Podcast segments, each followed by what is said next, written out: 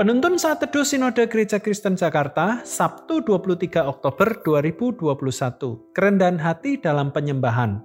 Efesus 2 ayat 8b sampai 9. Itu bukan hasil usahamu tetapi pemberian Allah. Itu bukan hasil pekerjaanmu, jangan ada orang yang memegahkan diri.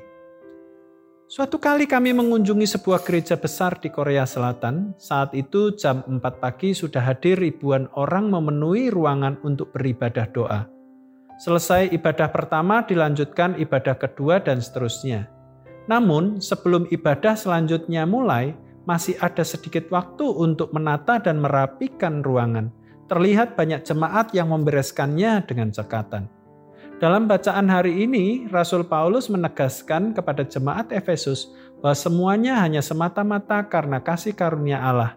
Itu bukan hasil usahamu, tetapi pemberian Allah. Itu bukan hasil pekerjaanmu, jangan ada orang yang memegahkan diri. Kasih karunia Allah di dalam Kristus Yesus yang mengerjakan semuanya di dalam kehidupan kita. Kita tidak memiliki sedikit pun kontribusi untuk mencapai standar Allah namun hanya di dalam Kristus standar Allah dipenuhi. Roh Kudus menolong kita untuk menghidupi karakter Kristus di dalam kita. Andai kata manusia memiliki kemampuan untuk mencapai standar Allah, akan ada dua kemungkinan yang terjadi. Pertama, dia akan menyombongkan dirinya. Kedua, dia akan menolak dan tidak memerlukan Allah.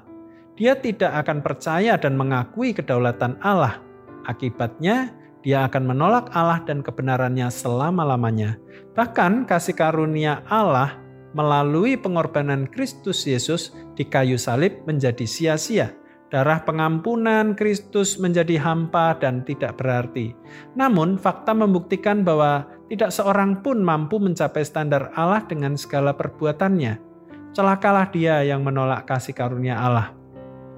Fakta dari Alkitab dan kondisi kehidupan manusia membuktikan bahwa kita mutlak membutuhkan Allah. Hanya kasih karunia Allah di dalam Kristus yang menuntun dan memungkinkan kita mengenal, mengasihi Tuhan Yesus Kristus, serta mempercayakan seluruh hidup kita di dalamnya.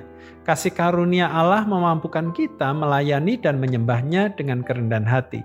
Segala kebanggaan, jabatan, kemampuan, kekayaan, dan segala yang kita miliki menjadi tidak berarti ketika diperhadapkan dengan kasih karunia dan kemuliaan Allah. Oleh karena itu, sadarilah bahwa hanya karena kasih karunia Allah di dalam Kristus, kita beroleh keselamatan. Marilah kita senantiasa merendahkan hati, mengabdikan diri, menyembah dan melayani Allah di dalam Kristus Yesus.